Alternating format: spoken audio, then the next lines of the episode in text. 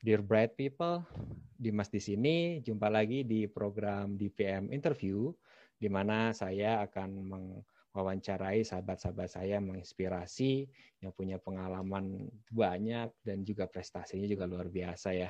Kali ini saya sudah ditemani oleh salah seorang sahabat saya sekaligus ini junior saya nih, jauh nih ya. Jadi ketahuan banget udah tua banget gitu ya. Dan dia ini um, tunanetra juga, domisili di Surabaya dan orangnya pemberani banget, uh, idealis juga dan prestasinya juga udah levelnya internasional lah gitu. Oke, okay. dan oh ya, dan dia fresh graduate nih, jadi baru lulus masih fresh from the oven. Oke, okay, kita sambut aja sahabat saya ini. Please welcome Alfian Andika Yudhistira. Halo Alfian. Halo, halo. Apa kabar nih? Kabar sehat, alhamdulillah. Alhamdulillah. Alhamdulillah. Lagi sibuk apa sekarang? Apa ya? Sibuk jadi pengacara, pengangguran banyak acara. Banyak acara, banyak melatih orang Aduh. ya. Itulah. Lagi nyantai-nyantai aja sih sambil bantu-bantu teman-teman gitu. Hmm, hmm, hmm, iya, jadi uh, Alfian ini saya ketemu ini sekitar kita tahun 2015 ya mungkin ya pas kompetisi TIK uh, itu ya. Iya iya 2015. 15 pas kompetisi TIK gitu kan. Waktu itu ya saya jadi salah satu apa instruktur eh bukan instruktur waktu itu masih relawan waktu itu kalau nggak salah ya. Terus iya. peserta di sebuah lomba uh, kompetensi TIK dari Kementerian Kominfo gitu kan. Waktu itu sih biasa aja kenalnya gitu kan. Tapi pas waktu 2016 itu saya diminta sama Kementerian Kominfo buat ngajar komputer buat teman-teman disabilitas di beberapa kota, salah satunya di kota tempatnya Alfian ini gitu kan. Nah, sama panitia bilang, minta cekin peserta nih gitu kan. Wah, harus cari kuncen nih gitu kan. Harus ada kuncen yang megang kota situ nih gitu kan. Ada yang bilang, oh si Alfian aja nih gitu kan. Wah, pas di ini dia langsung siap gitu kan, ready aja gitu kan. Ternyata nyari 40 orang lebih gitu ya nggak lama lah gitu. Jadi jaringannya udah luar biasa gitu kan. Lalu pas habis pelatihan, sempat ngobrol-ngobrol lagi gitu kan. Wah, karismanya berasa nih anak nih gitu kan. Pokoknya gak ada, gak ada. Jangan percaya. Leader, leader, Jangan percaya. Leadershipnya ada lah gitu ya. Beda dari tongkrongannya gitu ya. Oke, sekarang jadi namanya ini ya, Alfian Andika Yudhistira S. Dok apa S titik ANT ya? Iya. Apa nih kamu ini sarjana apa atau eh, ini N-man kamu N-man? Ya maunya jadi N-man tapi nggak tahu lah ini gimana ceritanya. Jadi memang begitulah gitu kan uh, sarjananya antropologi jadi sarjana antropologi ANT gitu. bukan ini ya bukan apa uh, esos ya divisi bukan, bukan ya Hmm, kalau ESOS sekarang punyanya sosiologi aja kalau oh, di gitu. Tapi UNER. kalau di kamu di UNER kan ya eh, satunya ya? Iya, di, di Universitas Erlangga baru lulus tahun tahun ini ya apa tahun kemarin? Tahun ini. Tahun ini, tahun ya? ini oh, bulan Mei kemarin. Makanya fresh from the open banget nih gitu dan dan tapi di fakultasnya di FISIP ya masuk tetap ya? Iya betul di di FISIP masuk. Hmm, tapi tiap jurusan punya gelar masing-masing. Hmm, sekarang punya ini masing-masing. Hmm punya punya gelar masing-masing. Jadi kamu merasa seorang antropologis gitu? Gimana ya? Uh, dulunya enggak, tapi memang semakin ke sini sebenarnya jadi antropolog tunanetra itu menarik ya.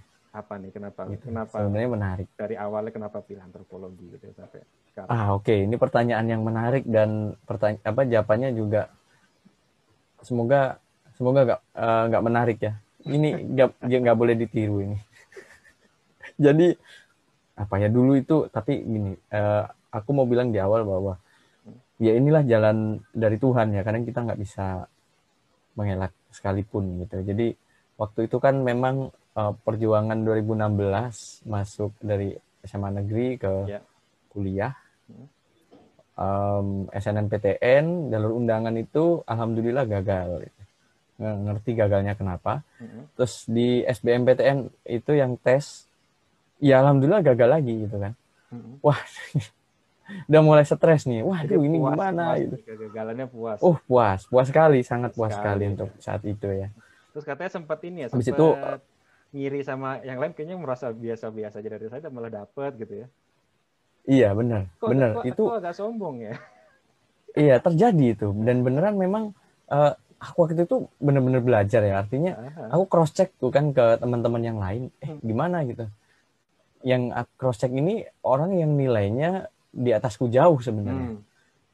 ya beneran mereka juga nggak lolos nggak nggak nggak tahu ya kenapa Hmm. sistemnya apakah ah, nggak tahu lah gimana sistemnya sehingga Ya. mungkin ya itulah sistem Awalnya pengadilan dari apa Tuhan awalnya waktu gitu ya. itu? Sama, emang Aku udah waktu bukan aku waktu Bukan. masih di milihnya di komunikasi gila waktu Iya. itu komunikasi uner lagi gimana coba kan luar biasa ya Ya, nothing Eh, is impossible passing grade-nya eh, Hmm. Hmm, Terus? terus habis itu SBMPTN itu milihnya udah agak mendingan waktu Mm-mm. itu milihnya masih agak ngeri juga di ilmu politik waktu itu kalau nggak salah Oh, salah oke. satunya Hmm. Mm-mm. Eh, salah satunya juga pendidikan luar biasa itu pun gagal semua loh gitu gagal nggak tahu kenapa kok bisa gagal ya terus akhirnya ikut eh, tes mandiri di beberapa universitas Hmm. gitu ya, beberapa universitas negeri di Jawa Timur Em, terus akhirnya ada salah satu teman almarhum itu alumni di UNER gitu alumni di UNER terus eh, penasaran dong apa yang menyebabkan tunanetra itu gagal gitu nah di situlah aku tergelitik untuk iya ya kira-kira apa ya apakah karena nilai apa karena ya itu tadi sistem yang nggak- yang eh, mungkin ada error sistem atau Jadi bagaimana kamu nggak gitu. mau terima gitu aja saya gagal ya? Enggak harus dong. Tahu alasannya apa gitu ya? iya dong kita harus tahu dong ini gagalnya kenapa gitu. Nggak pasrah terus kayak meratapi nasib gitu ya? aduh kalau begitu nggak jadi apa-apa malahan Oke, lanjut. gitu jadi sekarang juga jadi apa sebenarnya habis itu em, udah main-main lah ke visip ketemu Pak Dekan gitu kan Eh, cerita-cerita bahwa eh, tunanetra itu nah, mereka itu berpikirnya memang waktu itu teman-teman tunanetra itu kalau kuliah harus pakai perpustakaan dengan huruf braille semuanya gitu. Oke. Eh, menye- kampus harus menyediakan itu Memang setelah belum pernah ada tunanetra sebelumnya di UNER? belum pernah Belum ya, oke. belum pernah Oh, itu iya. lebih ngeri lagi sebenarnya lebih ngeri lagi daripada gagal SNMPTN sama SBMPTN Jadi kelinci percobaan Parah. ya? oh pasti itu itu oh, gi- itu luar biasa Bahasa halusnya pionir.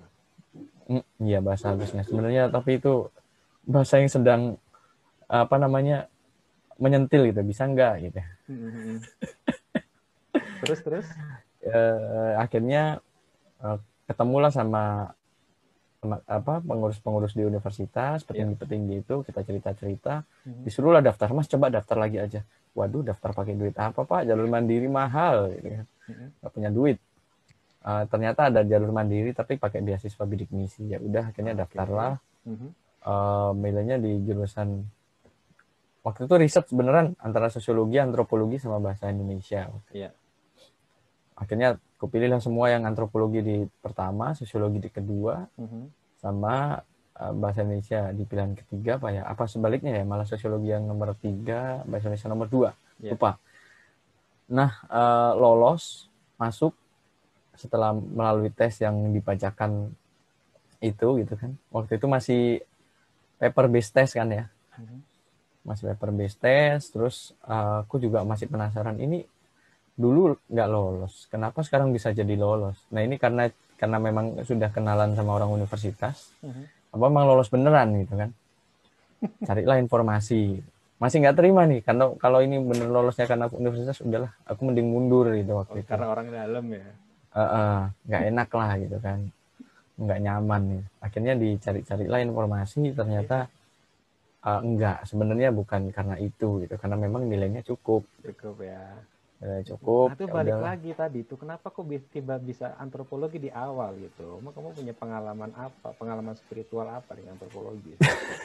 sebenarnya waktu itu satu jawabannya nggak ada matematikanya udah Oke. itu Ya kamu milih musik juga nggak ada matematikanya atau Eh, nggak nggak ini apa sih ya, kalau musik nggak pantomim atau apa ini? Mm. Iya, nggak ada matematik. Bukannya nggak ada hitung-hitungannya. Nggak ada Nggak hitung-hitungan. ada hitung-hitungannya. Terus ilmunya ilmu Padahal- sosial. Udah pas penelitian itu pakai statistik juga ya. kena statistik juga, ketipu Nah, ya. sebenarnya. eh waktu semester tiga waduh Kamu salah. apa sih ini berarti wah salah ini yang nggak ada matematika sama sekali masuknya ke sastra.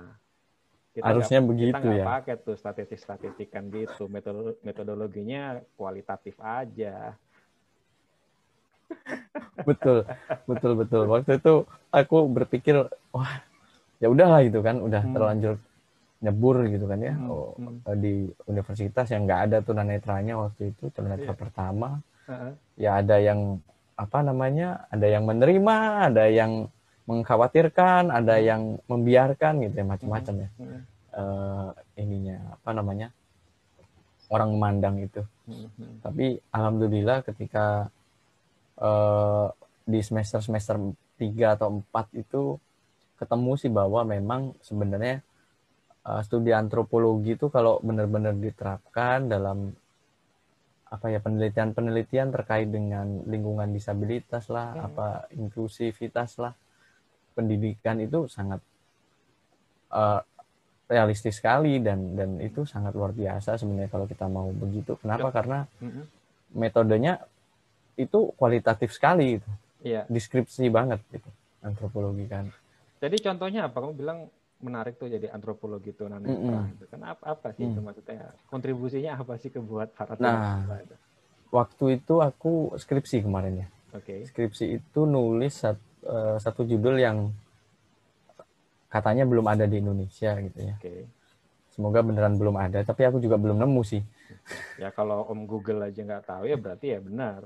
nggak ada kayaknya ya Nah, aku nulis tentang eh, bagaimana sih sebenarnya transmisi eh, transmisi atau pertukaran budaya di keluarga yang em, satu keluarga dengan orang tua yang tunanetra keduanya tapi anaknya enggak mm-mm. yang kedua di ini dengan orang eh, keluarga yang orang tuanya nggak tunanetra tapi punya anak yang tunanetra Oke.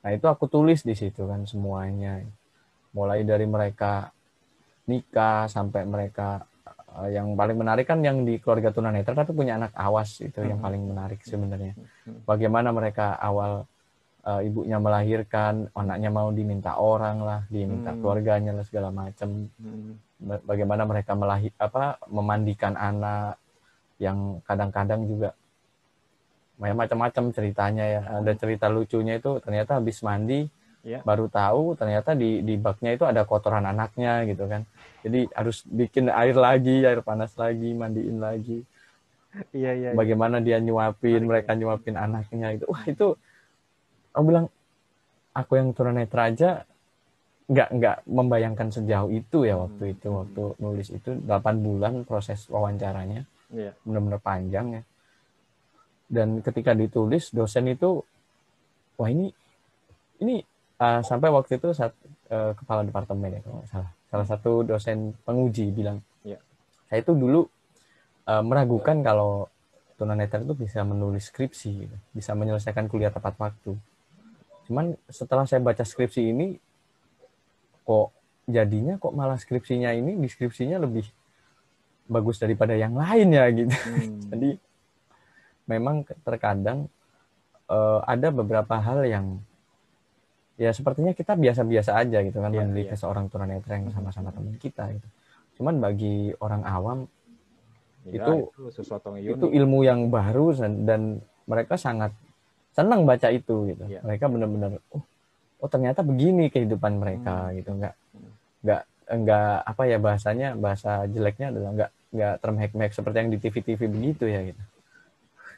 Ya, Tapi keunikan itu kadang-kadang bisa jadi pisau bermata dua loh dalam artian Betul. ya untungnya dia mendapatkan hal unik itu dengan perspektif yang benar gitu kan. Tapi kan ada juga Hmm, ya, hmm. orang orang awam itu melihat tentang disabilitas itu dari sesuatu yang unik tapi uniknya salah gitu ya.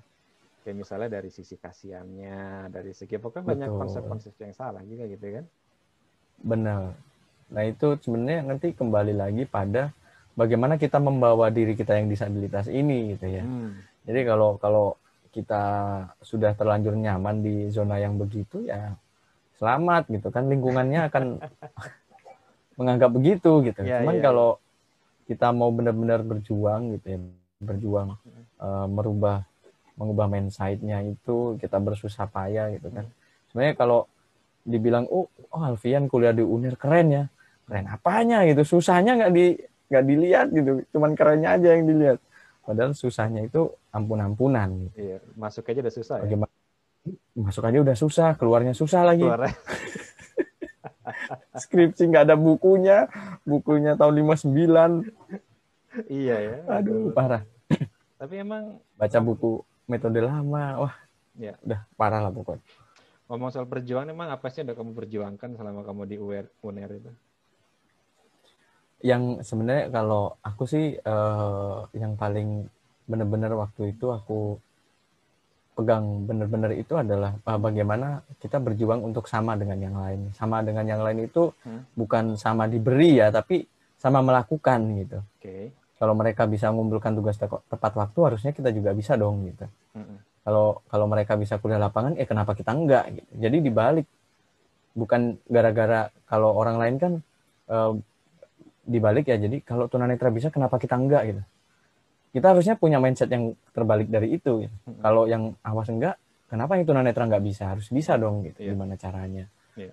Jadi memang itu yang aku apa ya aku perjuangkan sehingga waktu itu akhirnya dosen juga ikut PKL ya udah ikut aja gitu. Mau ikut apa tugas yang susah-susah gitu kan. Kalau PKL kan di desa ya Nah, kadang-kadang di lingkungan yang baru eh, KKN lah segala macam. Tuh Iya. eh, mereka teman-teman nggak ada masalah. Teman-teman yang awas oke-oke aja gitu. Iya. Karena ya kita membawa dirinya juga ya seperti yang lain gitu ya. Nggak Iya. nggak nggak maksudnya nggak terlalu merepotkan. Mm-mm. apa gitu ya pasti merepotkan pasti lah tapi kita berusaha meminimalkan gitu ya. Dan betul kalau bisa ya sama-sama happy gitu kan jadinya. Benar.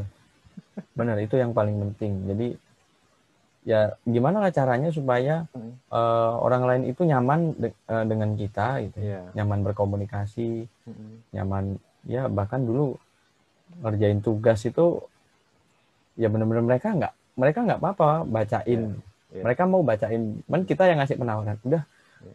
eh, kamu bacain dong gitu nanti aku yang inilah eh, dikit-dikit bantu untuk Hmm. rangkum misalkan gitu Hmm. Nah, mereka pasti mau tuh harus ada gitu. take and jadi give. kita harus iya harus ada take and give Minimal nggak mungkin jadi kita ya minimal jadi tempat Hmm. curhatan lah kayaknya yoi ah itu itu paling penting tuh itu paling itu paling penting Emang pernah ada pengalaman jadi tempat curhatan atau jadi tong sampah gitu nggak tahu ya dari dari SMA reguler sampai Uh-uh. kuliah Hmm. sampai sekarang itu Hmm. kayaknya tong sampahku semakin membesar gitu wow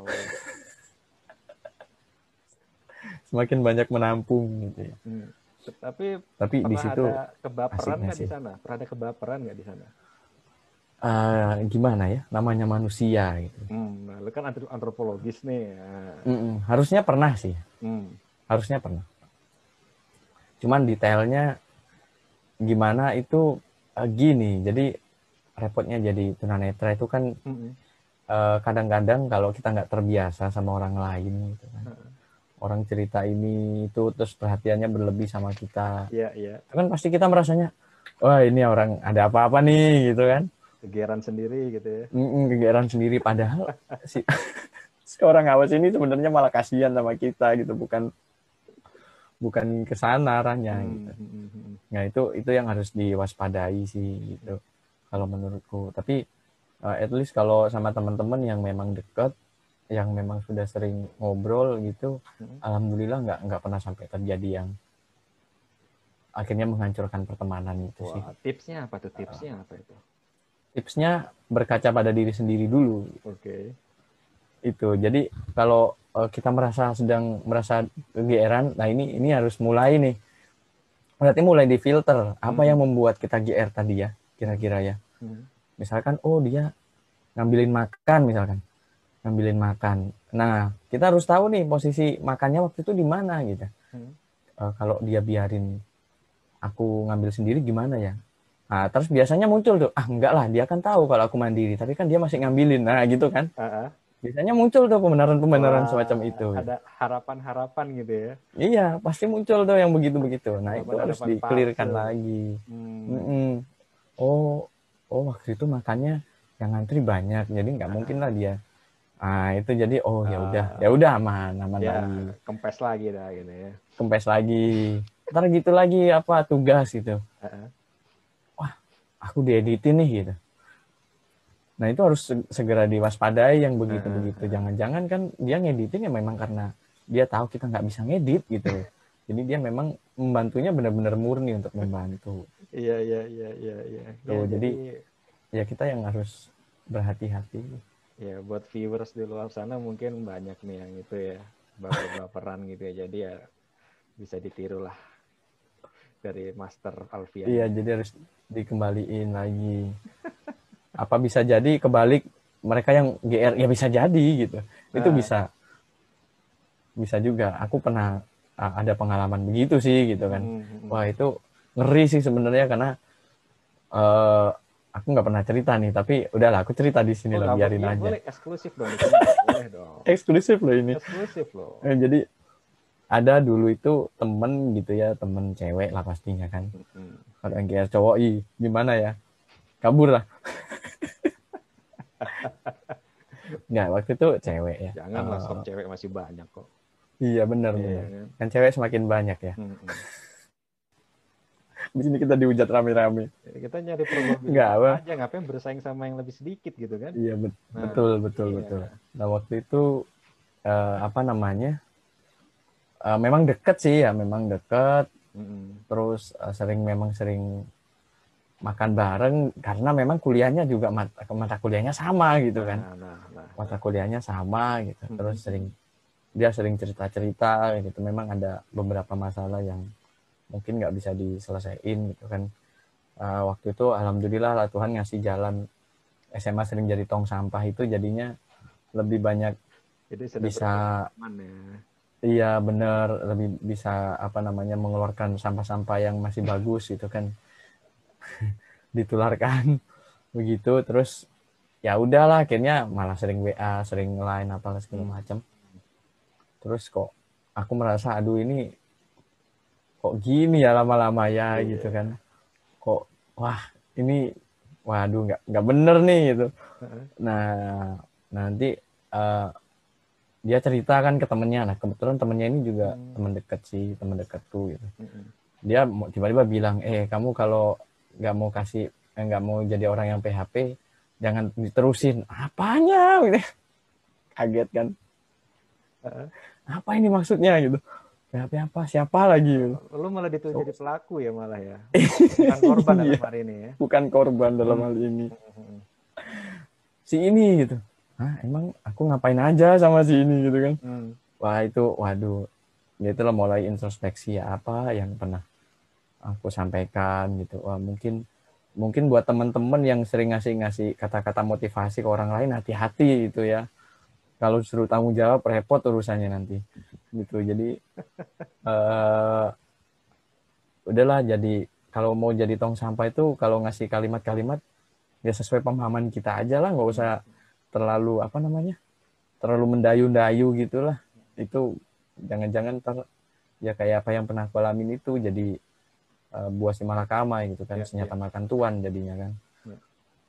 nah di situlah aku mulai agak apa kalau dia cerita gitu tanggapannya udah mulai agak eh, mengarahkan maksudnya mengarahkan Hmm. untuk dia mencari solusinya sendiri Oh, jadi eh, mulai mengajak nih, dia mulai untuk cuek eh, nih gitu ya. eh, mulai agak mere- apa mengajak dia untuk lebih me- menjalankan pemikirannya yang sesuai Hmm. dengan hatinya dia gitu. Hmm, hmm. Ya akhirnya lama kelamaan udah mulai agak biasa sih, agak biasa, Ah. udah balik lagi. Abis itu ngilang dong. Ah. Terus lu nyesel nggak? Ya aku sih berpikir, ya awalnya nyesel ya karena teman baik kan, Ah, gitu, teman baik. Terus ya udahlah akhirnya berpikir ya udah mungkin dia sudah saatnya untuk bertemu orang yang baru lagi dengan Wah. belajar ilmu yang baru lagi. Wah, wah, wah, wah. Ya udah akhirnya ya udahlah diikhlasin aja gitu Toh masih banyak teman-teman yang lain yang Cie, masih Ah, banyak mau- stok ya. jangan buka kartu lah. Oke, Aduh buka kartu nih. eksklusif sini loh yang ini mau- channel eksklusif loh ini. Ya. Betul. Ntar yang yang mau DM jadi nggak Di jadi. Mana pun ini ya. Belum pernah di review di mana pun ini ya. Belum belum belum. Belum belum. oke. Karena karena temanya nggak ada yang se ngaco ini sih sebenarnya. nggak ngaco kok ini menginspirasi kok. Saya yakin banyak yang Semoga. terinspirasi ini pasti. Hmm, ya. Semoga ada ada ininya lah ya. Iya. Karena memang di luar sana banyak tunanetra yang baperan gitu. Iya, Itu harus hati-hati banyak. sih. Banyak lah ya.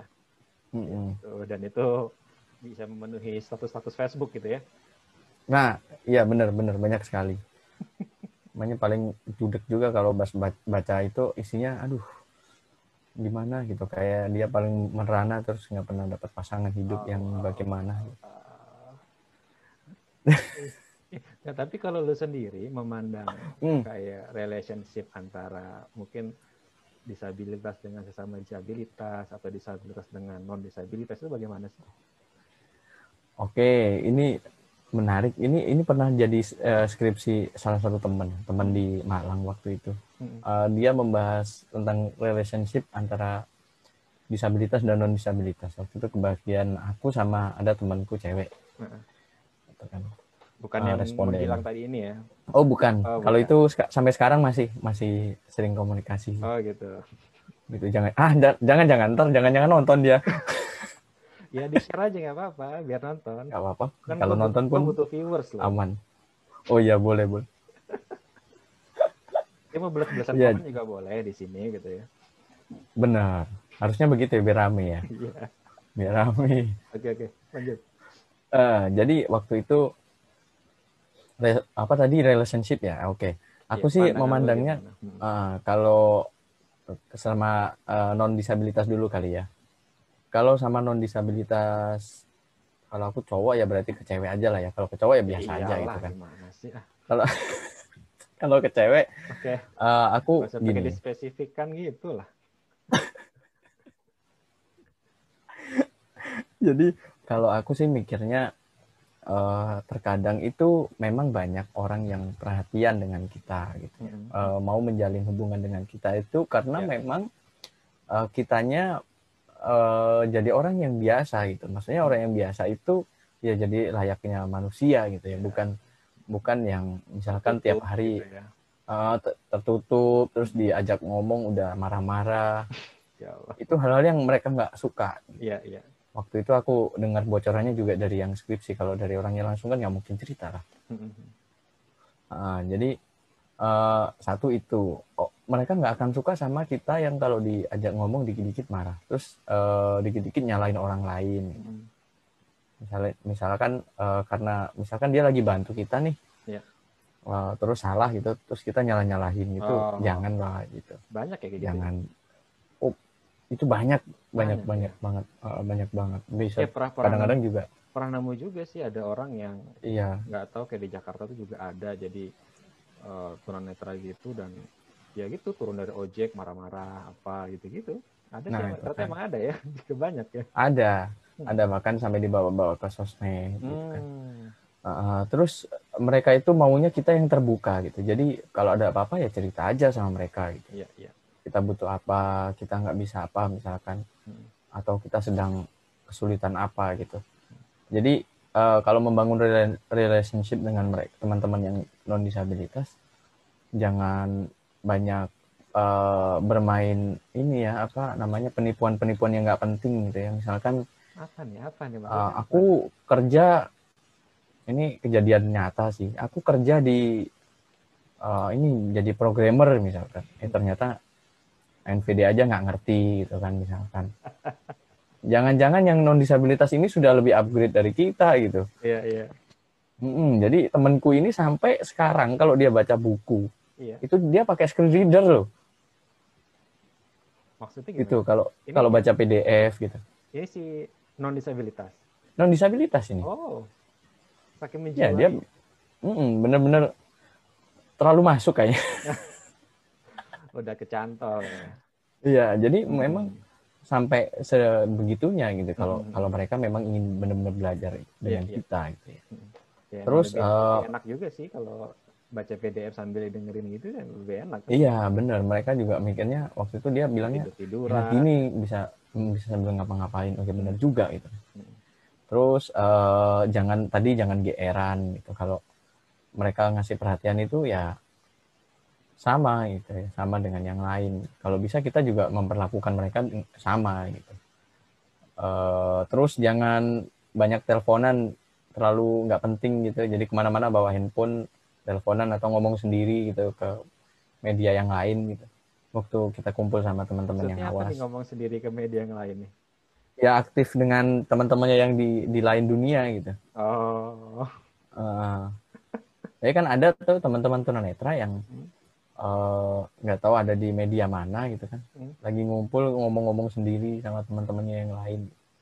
Oh, nah, itu mereka paling nggak jadi kumpul sama orang tapi malah teleponan ke luar gitu. Betul teleponan lah apa. Chattingan lah apa. punya ini apa teman gaib gitu. Itu lebih ngeri lagi sih. Kalau itu kayaknya yang meskipun yang sama-sama disabilitas juga mau ngeri juga mau temenan sama dia. Iya jadi uh, terus saling menguntungkan sih itu yang paling hmm. penting hmm. saling menguntungkan jangan sampai mereka ya pasti mereka akan lebih banyak nolongin kita lah yeah. cuman ya semaksimal mungkin kita juga bisa ngasih sesuatu ke mereka yeah, kalau mereka senang nggak apa-apa lah ya kan mm -mm. Uh. jadi bu bukan masalah uang bukan masalah itu bukan yeah. tapi paling nggak bikin mereka itu nyaman ngobrol sama kita jadi kalau sama non disabilitas yeah. tapi kalau sama teman-teman yang disabilitas aku jujur suka berhati-hati nih sama teman-teman disabilitas yang cewek gitu ya. Mm-hmm. Mm, karena ketakutan bukan ketakutan ya pak uh, takut ya bukan ya kalau memang dianggap GR ya udahlah biarin aja gitu GR. Tapi takut ada ada benih-benih yang lain yang tumbuh gitu loh wow. yang yang tidak seharusnya hmm. gitu. Jadi uh, kalau saranku sih kalau mau temenan sama sesama disabilitas gitu yang kita nggak ngerti latar belakang orangnya hmm. apalagi jauh gitu kan hmm. ya cobalah kenali dulu lah gitu jangan jangan suara terlalu gitu ya. iya hmm. jangan ya nggak salah kalau mereka memang bilang tampan atau cantik karena suaranya nggak salah memang mereka dengarnya kan suara gitu kan cuman nggak se nggak sesederhana itu gitu ya, ya. ketika aku berkumpul dengan teman-teman yang awas oh hmm. ternyata nggak nggak sesederhana itu konsep hmm Hmm. Cantik dan tampan itu gitu. Hmm. itu lebih lebih harus lebih di ini jangan-jangan bisa jadi uh, disabilitasnya tukang porot nih. Jadi pacaran dari jauh gitu kan. Pulsa ditransfer apa ditransfer ya, ya. wah dibuat yang lain gitu. Ya, tapi emang pada pada dasarnya tuh love is blind. Iya itu. Makanya jangan sampai buta yang kedua kali udah cukup sekali aja butanya itu Oke oke. Ini kalau ngomongin ini nggak ada biasa bisa jam 12 malam nih kayaknya nih. Oh betul. Kita next day next ya. Betul sekali. Nah kalau nggak salah lu kan ini ya dari SD SMP tuh di SLB atau umum? Iya di SLB. Di SLB terus baru SMA hmm. di umum ya kan. Lalu hmm. juga hmm. kuliah di UNER lah salah satu one of the best lah apa state university in Indonesia gitu kan.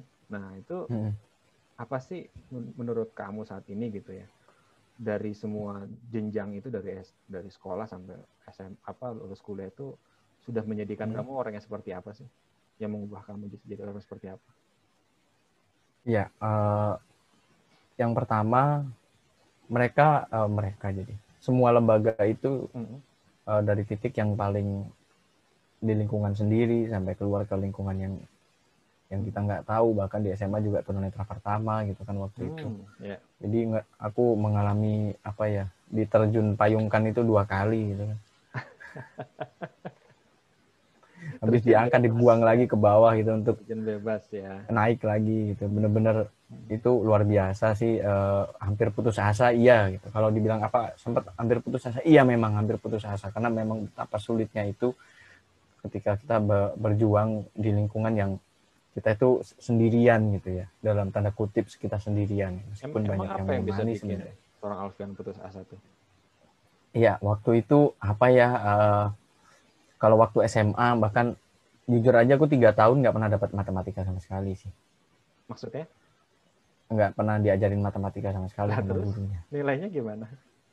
Nilainya nggak tahu lah. Nilai kasihan. Kalau orang Jawa bilang pitulungan gitu ya anggap aja begitu gitu. Karena gitu aku ya? merasa tidak berkontribusi apa-apa pada pelajaran matematika gitu. Hmm, maksudnya guru Masuk itu ujian, ada, ada effort tertentu buat datengin iya. terus lebih jelasin mm -mm. lagi gitu nggak ada ya? Nggak ada. Jadi mereka ya hmm. nggak bisa ngajar gitu. Jadi Ya, ya. eh, aku belajarnya di SLB lagi tiap hari Sabtu. Oh, kalau yang lain Heeh. eh, kalau yang lain libur, aku nggak libur. Hmm. Aku nggak libur. gitu. Hmm. Aku eh, belajar dengan teman-teman Eh, dan guru matematika yang biasa waktu itu ngajarin aku di sekolah. Hmm. SLB.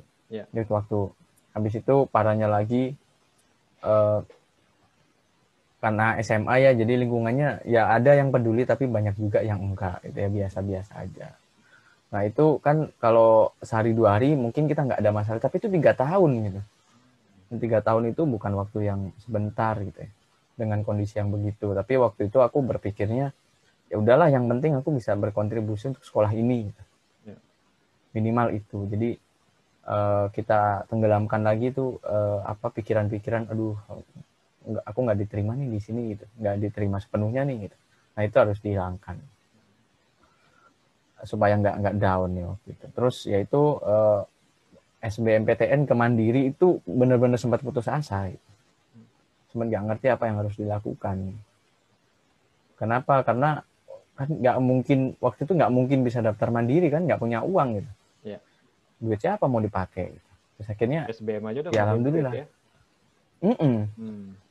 alhamdulillah kan dapat eh, ada jalan lain pakai beasiswa itu. Iya. Nah di kampus pun juga begitu. Ada beberapa dosen yang ya aku mau kuliah mau enggak urusanku gitu, nggak ada masalah. Hmm. Hmm. Dia mah ya pokoknya ada ya di absen. Gitu. Nilai ya udahlah kasih kasih aja lah yang aman-aman. BC. Ada yang begitu. Nilai-nilai ajaib gitu. ya. Jadi mengalami gitu Heeh. juga ya. Mengalami aku mengalami itu sih. Gitu Terus dan Respon kamu gimana yang kalau ada, kalau ada seperti itu? eh, aku waktu itu sempat Pernah mau komunikasi protes, sama komunikasi atau ya udahlah. Iya, komunikasi tapi malah Hmm. tanggapannya nggak nggak nggak seperti yang seharusnya gitu. Hmm. Hmm. Hmm. Akhirnya karena itu cuma satu dosen dan dapat mata kuliahnya orang itu mungkin cuma di dua semester ya udah biarin aja lah gitu, Hmm. Biarin aja gitu. Dan waktu itu aku pernah minta ya, yang yang lucu itu adalah aku minta materi gitu. Terus jawabannya dosennya adalah nggak boleh nanti kan kalau ula- ulangan kalau ujian kamu eh, kamu bisa jawab kalau tahu materinya lah emang berarti kuliah ini kita disuruh apa pak gitu kan repotnya kan Masalahnya memang yang lain tidak dapat materi. Mahasiswa lain. Eh, yang lain iya langsung ini apa namanya Suruh nyatet. nulis sendiri Nyatet suruh gitu. nyatet Ya om. Mm, nyatet gitu nyatet ya. iya dan PPT-nya kalau teman-teman bilang Hmm. udahlah percuma kamu daripada pakai materinya dosen itu mending baca cat- catatanku kenapa gitu Hah? Materinya kita yang bisa ngelihat aja nggak kita kalau bahasa anak anak-anak dulu itu kita yang bisa ngelihat aja sampai buta gitu Maksudnya nggak ngerti, ngerti apa yang ditulis. Gitu. Heeh. Hmm. iya ya dosen itu yang ngasih BC Hmm. dua mata kuliah waktu Ada aja ya kayak gitu. tapi gitu. ada aja. Hmm. ada terus eh, yaitu skripsi gitu kan Hmm. skripsi eh, sempat bingung karena bukunya kan tebel gitu. Buku Iya. tahun 59 lagi kan. Kertasnya udah kuning kuning gitu. Katanya yang bisa ngelihat tapi. Jadi susah di scan-nya. Ya paling nggak menja apa ya mengubah eh, aku jadi satu berani berani untuk memutuskan. Berani berani untuk bergaul dengan yang lain.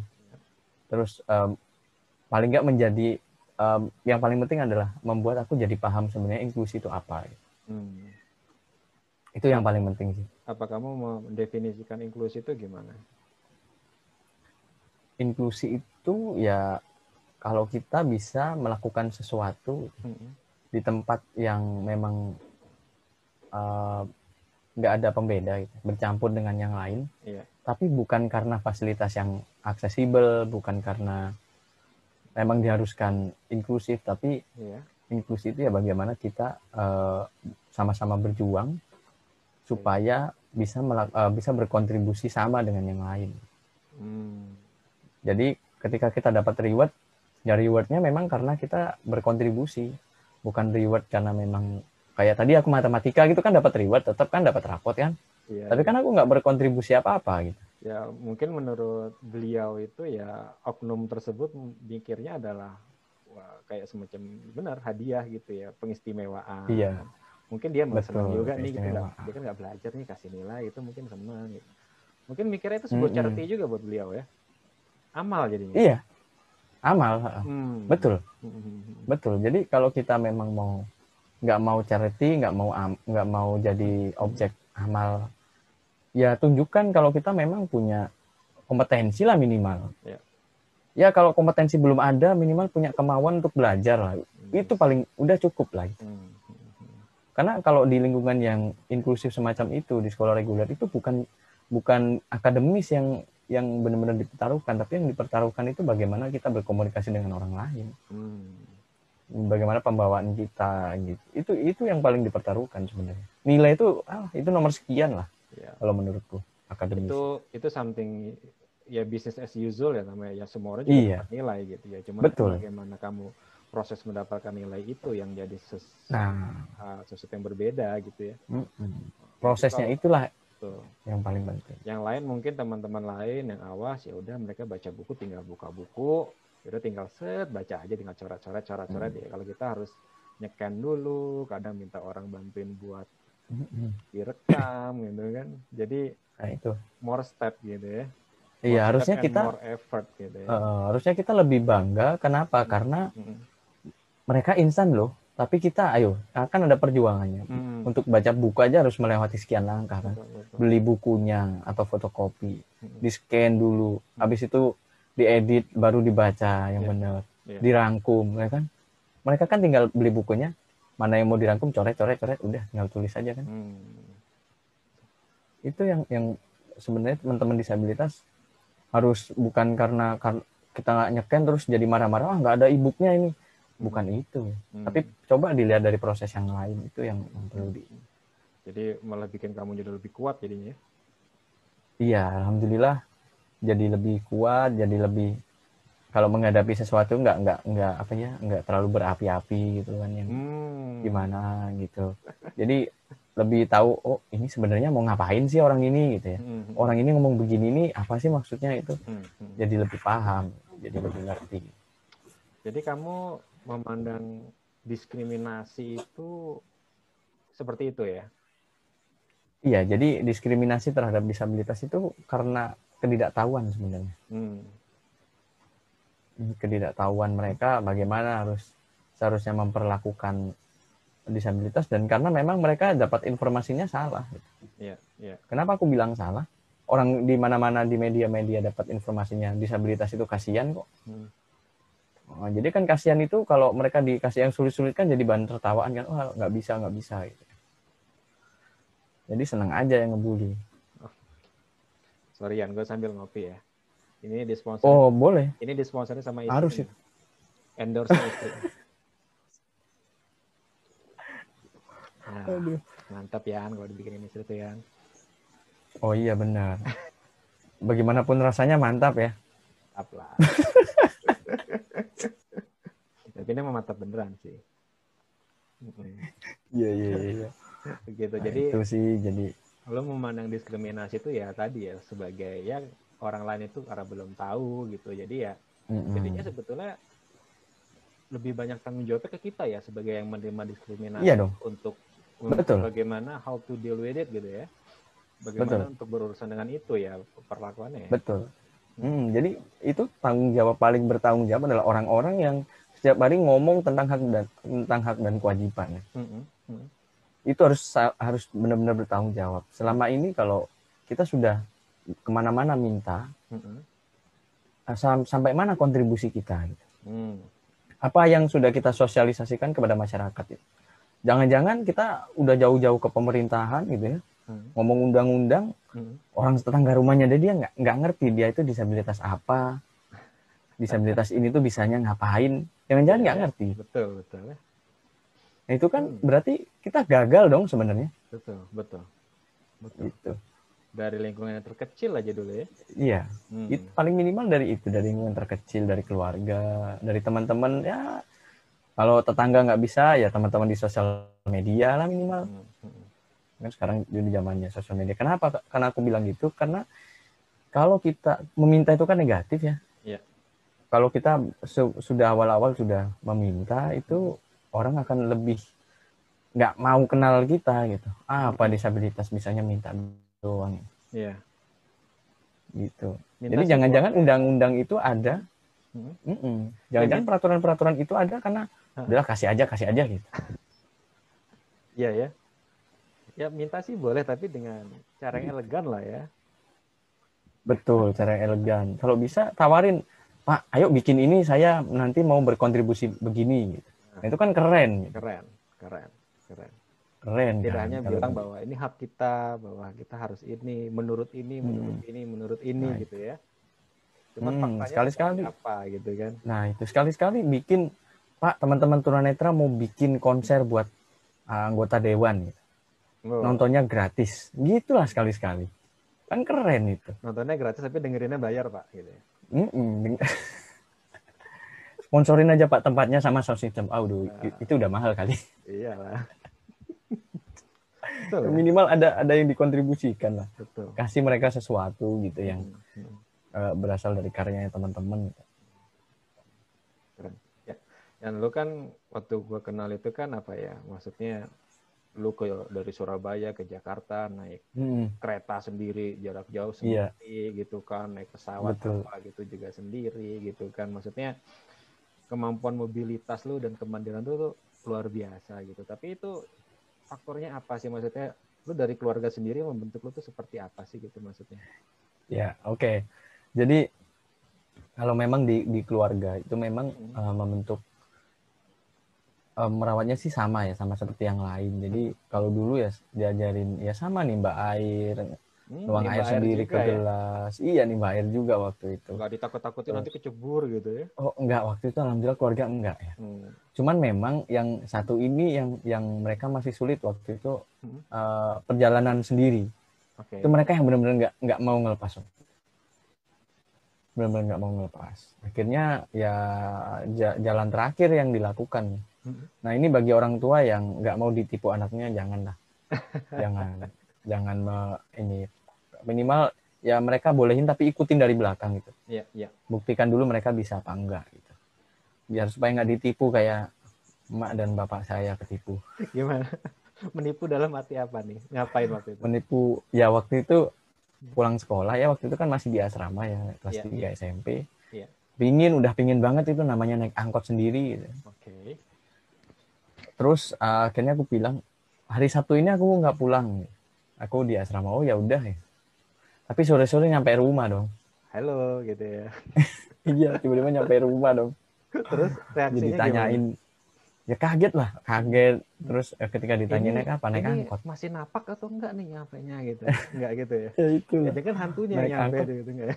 Jangan-jangan begitu itu naik apa? Naik angkot. Oh dimarah-marahin. Nanti kalau Hmm, kemalingan gimana kalau diculik gimana apa segala macam diculik. Iya jadi ya udah Masih biarin laku, aja. Gitu diculik gitu. Makanya itu. Emang masih laku ya? Makanya banyak soalnya. Makanya kan. Iya sebetulnya uh, yang kadang-kadang suka dilupakan oleh mungkin orang tua atau masyarakat itu Hmm. bahwa kita tuh juga punya manajemen resiko sendiri gitu loh. Kita betul betul. Melakukan sesuatu mandiri itu nggak nekat kan. Uh, maksudnya ya kita betul. sudah nggak nggak mungkin lah maksudnya ya mungkin dibilang nekat ketika contoh misalnya kamu keluar negeri sendirian ke kayak backpacker tempat tempat-tempat yang benar-benar asing nah itu baru totally nekat gitu ya karena Hmm. kan dengan keterbatas tapi kan kalau itu sesuatu yang udah sering gitu ya tiap hari lewat situ meskipun tadinya diantar gitu kan atau ya Hmm. memang ada mekanisme untuk safety kayak misalnya kalau naik kereta ya ada petugas gitu kan itu sebetulnya sesuatu yang Betul. sudah di manage gitu risikonya kan sudah Hmm. eh, benar dan mereka kan nggak nggak sudah terburu karena ya itu tadi. Kalau aku sih bilangnya menyayangi dengan cara yang salah yang menyayangi Hmm. dengan cara yang salah itu ya itu tadi di iya, dikasihani sembunyiin nggak boleh ini nggak boleh itu. Mm-mm, mm-mm, mm. masalahnya mereka nggak nggak berpikir sejauh ntar kalau saya meninggal anak saya sama siapa? gitu kan. Nah iya Betul. iya. Betul. Harusnya seperti Ah, itu ya. Mm-mm. itu senjata akhirku waktu itu sih. Hmm. ya memang benar-benar ntar kalau eh, mama meninggal siapa yang mau nolong? Hmm.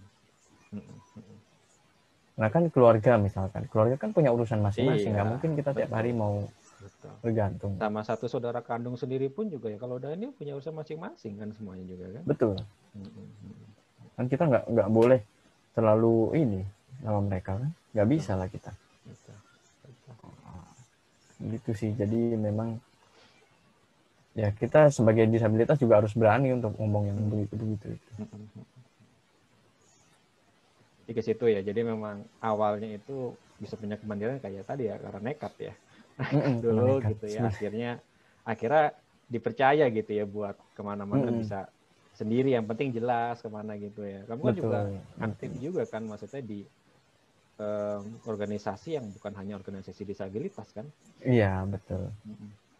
Jadi memang ya pokoknya yang paling penting kabarin aja di mana posisi kita sekarang itu sih yang paling penting kalau sama orang tua Kira-kira apa sih yang kamu kan kayak, kayak aktif di Pertuni itu kan maksudnya Pertuni itu kan organisasi sama disabilitas ya. Tapi yang kamu dapat Ah. dari kamu kan alumni FIM ya kan Forum Indonesia Muda, Hmm. terus juga ikut apa Excel Future Leaders juga gitu kan. Iya. Yang di mana itu kamu bisa dikatakan ya, ya, ya angkatan kamu ya disabilitas sendiri gitu ya. Yang kamu dapatkan Ah. apa sih dari situ dan pandangan mereka itu seperti apa kan ya?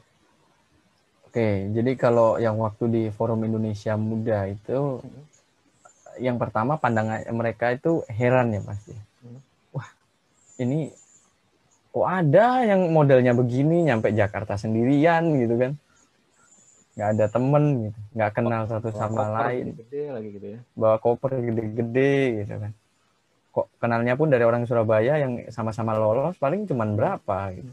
Eh tapi bentar, lu bawa koper sendiri gitu bisa ya maksudnya? iya Kalau bisa tuh, bisa maksudnya nggak bisa bawa sesuatu yang dipegang tangan lagi gitu loh. Maksudnya kan karena satu pegang pegang tongkat ya kan. Ya karena mata kita Hmm. tangan kita kan. Mm-mm. Iya kan. Kagok deh kalau bawa sesuatu di tangan gitu ya paling mungkin tas sama pakai tas gendong gitu kan. Itu iya memang memang agak sulit agak sulit sih memang kalau berat, dipikir-pikir Hmm. Heeh, karena kan satu kita harus ngelindungin diri kita yang kedua ngelindungin koper kita yang di belakang Nah, ini itu kena orang ya. apa enggak gitu gitu kan ini jalannya udah bener apa enggak itu memang Ya, agak agak Nekat aja lah ya. iya nekat aja lah karena nggak nggak mungkin lagi kan mau kayak gimana gitu Oke oke lanjut. Jadi gimana? nah itu terus akhirnya eh, ya aku di situ Hmm. belajar jadi jadi orang yang aktif ya paling nggak minimal aktif menyapa kanan Hmm. kiri Eksis ya. tanyain eksis ya. dari mana eh, dari mana Terus kalau ada pertanyaan-pertanyaan ya kalau sempat nanya ya nanya gitu. Hmm. kalau apa namanya di kamar yang sama ngobrol dengan yang lain Hmm. gitu Terus makan nggak mojok terus teleponan sendiri gitu ya. ya gitu nggak nggak nggak nggak kayak begitu Hmm. senam meskipun nggak bisa ya udah datang aja gitu minta ajarin gitu Bikin freestyle juga ya. iyalah pasti dong mereka Sama. juga mau kok ngajakin kita lari- lari-lari itu ternyata sama. Ya, ya gue kayak kalau pas CPNS itu kan kita ada ya, maksudnya kita kan di kayak asramakan gitu selama beberapa bulan, terus setiap hari ada Hmm. senamnya kan. Ya kalau cuma Hmm. lari pagi sih itu enak, bisa ikut ya dengan temen. Hmm. Cuma kalau pas senam itu, ya kita di, sorry, kita di belakang aja sambil freestyle. betul iya dong Bikin ya udah gerak-gerak aja kan salah bener Hmm. Urusan belakang lah yang penting nampang dulu lah di situ minimal Betul, orang betul, bisa betul. tahu jadi harus berani malu dulu Betul. Toh ngapain orang lain ngeliatin kita, kita nggak tahu juga ya bodo amat gitu ya. iya jadi gak usah peduli lah sama yang Iya. begitu ya pokoknya kita wajar-wajar aja lah Gitu, akhirnya mereka oh Hmm. setelah cerita-cerita apa segala macam baru mereka paham gitu oh ternyata Jadi bahan gosip loh ternyata di sana ya. uh luar biasa kayaknya Nah. Iya, jadi aku bener-bener bawa yang namanya Riglet sama Silus, ngajarin mereka nulis huruf braille Hmm. gitu-gitu. Hmm. Waktu itu kan yang paling penting sebenarnya kan ada waktu itu harus ngajuin satu tema ya. Kalau temanya dipilih, Hmm. eh, dia berhak memimpin diskusi sama orang-orang yang milih tema itu juga. Ah, kayak open open apa? Eh, open Open conference gitu. session ya, open session. Eh, open session gitu. eh. Waktu itu aku ngajuin gitu. Hmm. Wah ini kesempatan nih gitu kan masukin isu disabilitas aja di sini. Hmm. Ada yang Lolos dong banyak. banyak ya. banyak waktu itu ada sekitar 20-an apa 30-an orang ya Hmm. dari 150 itu termasuk banyak loh Banyak sebenarnya dong ya. padahal isunya isu disabilitas kan bagi mereka aduh masih banyak isu yang penting lah ada isu energi ada apa Ya, Politik gitu ya. hmm, politik apa ternyata mereka mau ikut gitu dan mereka aktif sampai sekarang komunikasi Hmm. bahkan beberapa ada yang bikin program untuk disabilitas di Hmm. kotanya masing-masing. Iya, iya, iya. Itu. Jadi memang satu dapat koneksi, yang kedua eh, ya tahu lah, tahu Hmm. dapat gimana caranya berkomunikasi dengan orang banyak yang lintas ah semuanya lintas lintas agama, lintas Iya. budaya apa sih. Hmm. Kalau di Excel Feature Leaders memang lebih banyak di manajemen ya, manajemen waktu, manajemen kepemimpinan gitu gitu. Jadi lebih banyak ilmunya di sana. Dan memang orangnya lebih cuek-cuek lagi karena kebanyakan orang yang eh, kuliahnya di jurusan yang apa ya, saintek, Oh, Oke. bukan orang-orang sosial Mm-mm. Mm-mm. gitu. Dan kebanyakan memang orang-orangnya punya ambisi yang masuk ke situ itu. Iya. Makanya kan di di sana kan diajarkan untuk tidak berambi tidak terlalu berambisi kan dengan manajemen suruh kepemimpinan yang bikin mereka- social project gitu ya. Mm-mm, betul. Jadi susu, suruh social project. Hmm. Bahkan wah, hari pertamaku di Excel itu yang nyapaku cuma satu orang dong. Coba. Coba bagaimana apa- itu? apa mentor. Peserta. Peserta. Hmm. peserta. Heeh. Cuman satu orang, ngeri kan? Terus terus, terus Waktu di Jakarta itu. bisa Ya waktu memecahkan itu. aduh itu eh, Excel itu jujur itu paling sulit lingkungan paling sulit yang pernah aku datangi Mhm. karena mereka asik dengan dirinya masing-masing kan Iya. jadi waktu itu apa eh, untungnya si panitia ini Hmm. ngenalin ya waktu itu pertama Mhm. Di sini ada peserta tunanetra kenapa mereka dia bisa lolos Ah, langsung dipanggil waktu itu suruh cerita prosesnya oh ternyata prosesnya sama ya gitu Hmm. Oh, prosesnya sama dikira waktu di sana kan bukan peserta lagi yang lain deh. iya jangan-jangan Ini ngapain? Jangan-jangan mau wah ini mau ada open donasi nih Oh iya. Iya dong ada yang buta satu nih wah iya ini open donasi nih kasihan ini Bisa jadi, bisa jadi ya. Jangan ini ini ya nih apa eh, dari panti mana gitu nanti kita bikin Mm-mm, pensi betul, perwakilan gitu. donasinya kasih ke dia gitu ya. Eh, eh, Hmm, hmm. Jangan-jangan memecahkannya juga waktu itu kan dapat handphone ya dapat handphone Heeh. oh ya satu satu lagi yang yang karena orang orang satu ini ngikutin aku terus Hmm. ternyata ketemunya satu hal aku waktu itu pakai tas yang eh, tulisannya konyol sih sebenarnya Heeh. Ah. Eh, tulisannya tas itu gede gitu tulisannya slow Wallace gitu Slow. Oke. udah cuman gitu aja oh stay Wallace gitu Oh, Stay tulisannya Wallace. stay Wallace Mm-mm. Wah itu ketawanya baru-baru ini aja sih. Kenapa waktu itu kok kamu eh, apa sering ada di sekitarku gitu? Enggak, karena pertama karena tertarik ini tulisan apa karena kenapa ada orang pakai tulisan tas yang konyol begini gitu? Tapi itu memang salah satu strategi loh buat ini, buat Iya betul. menarik attraction gitu ya. Mm, Oke, betul. Nggak sengaja sih waktu itu sebenarnya. bagus. Nggak sengaja tapi bener-bener ngefek sih itu.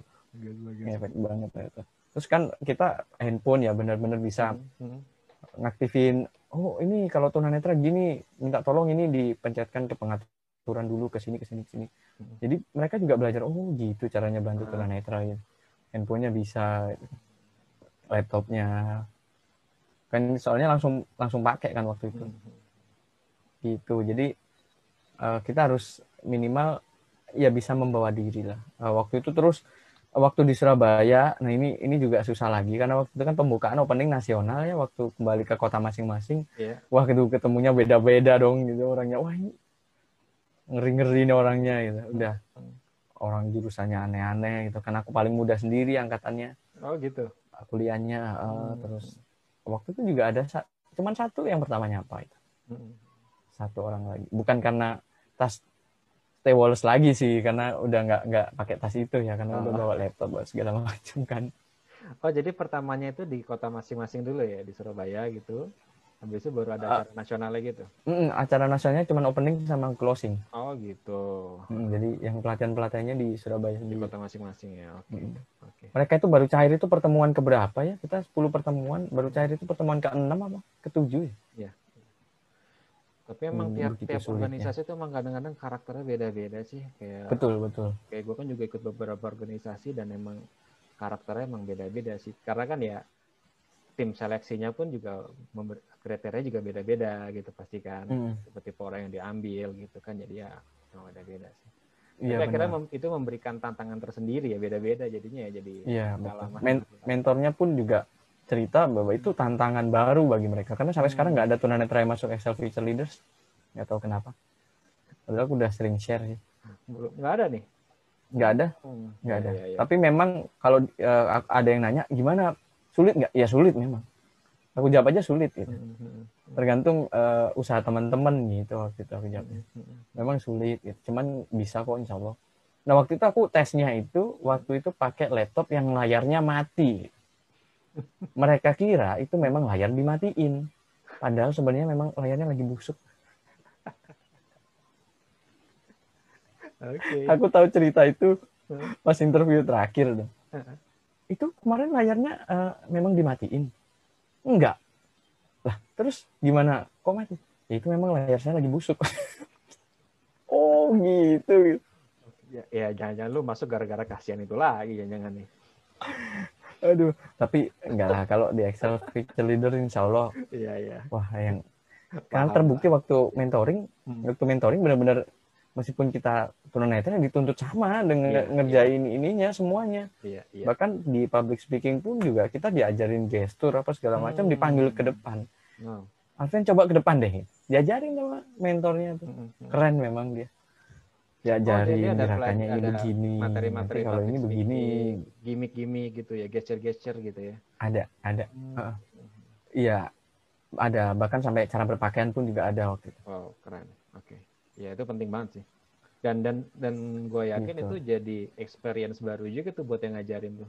Mereka senang juga kayaknya kalau dapat betul betul dapat ini baru gitu, pasti pengalaman. Mm-mm, mereka makanya mereka bilang wah ini memang uh, beda gitu kan bahkan mereka kan sampai sempat bingung ya ini ntar kalau berangkat naik pesawat gimana ya udah pesen tiket satu aja ya. Ya, naik aja tuh bukan emang kamu jadi bisa pilotnya. sendirian iya untungnya ya Bisa oh, emang nggak apa-apa sendirian Nggak apa- ya nggak Ah, mungkin sendirian. insya Allah saya nanti bisa nyampe dengan selamat ini sendirian beneran sih Enggak, dan tapi sama penumpang juga, lain kan? Ya minimal sama pilot. Eh, ya sama kan? penumpang lain kalau nyetir pesawat sendiri wah Iya minimal ada bisa pilot. berabe urusannya oh iya dong harus dong itu harus Iya iya iya keren keren. Nah, aduh, aduh.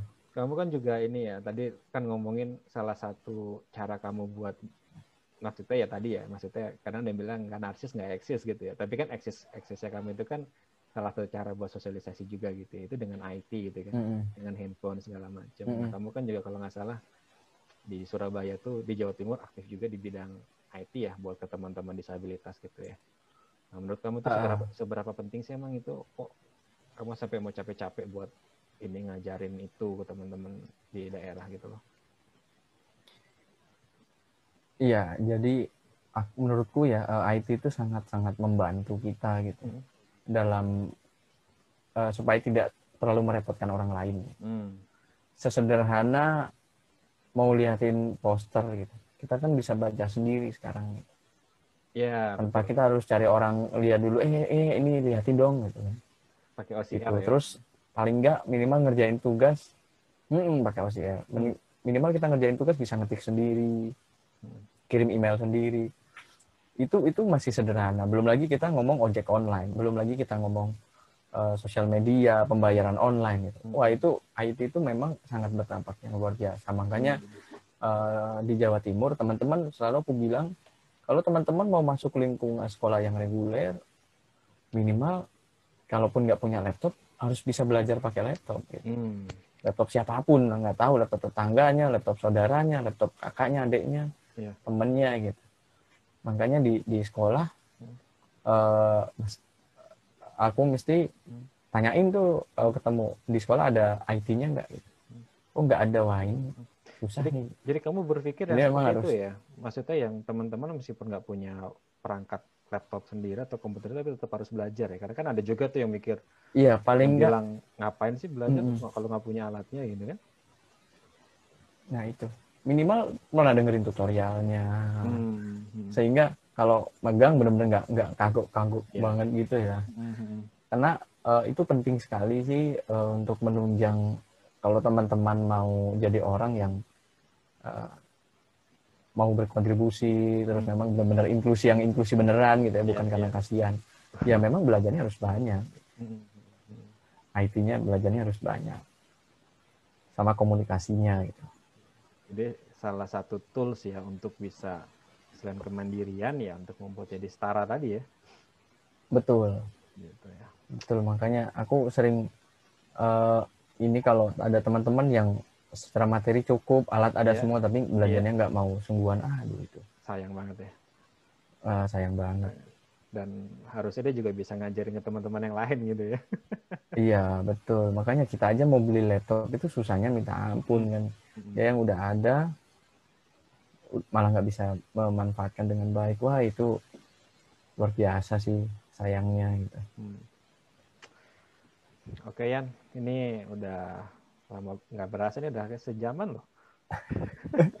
Belum tadi Itu kalau lama ya topik yang tadi dilanjutin tuh bisa lebih lebih malam lagi lah ini. wah, wah itu Itu nanti kita malah panjang gitu kita nanti bikin episode lain ya. tersendiri untuk itu ya.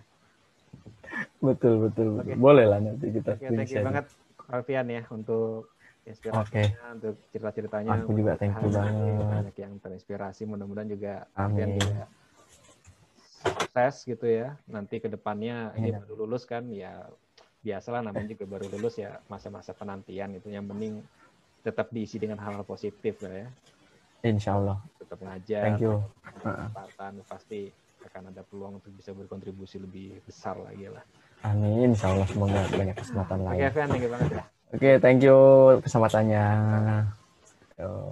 Dear Bright People itu tadi wawancara saya dengan Alfian teman kita dari Surabaya yang keren banget gitu ya dan inspirasinya banyak banget mandiri banget dan semoga bisa menginspirasi buat teman-teman semua nggak hanya viewers yang disabilitas tapi juga yang non disabilitas ya. Sampai ketemu lagi nanti di em, di VM interview berikutnya. Jangan lupa di like buat yang suka. Yang belum subscribe silakan di subscribe dan di share ke sebanyak mungkin orang. Oke, sampai ketemu lagi dan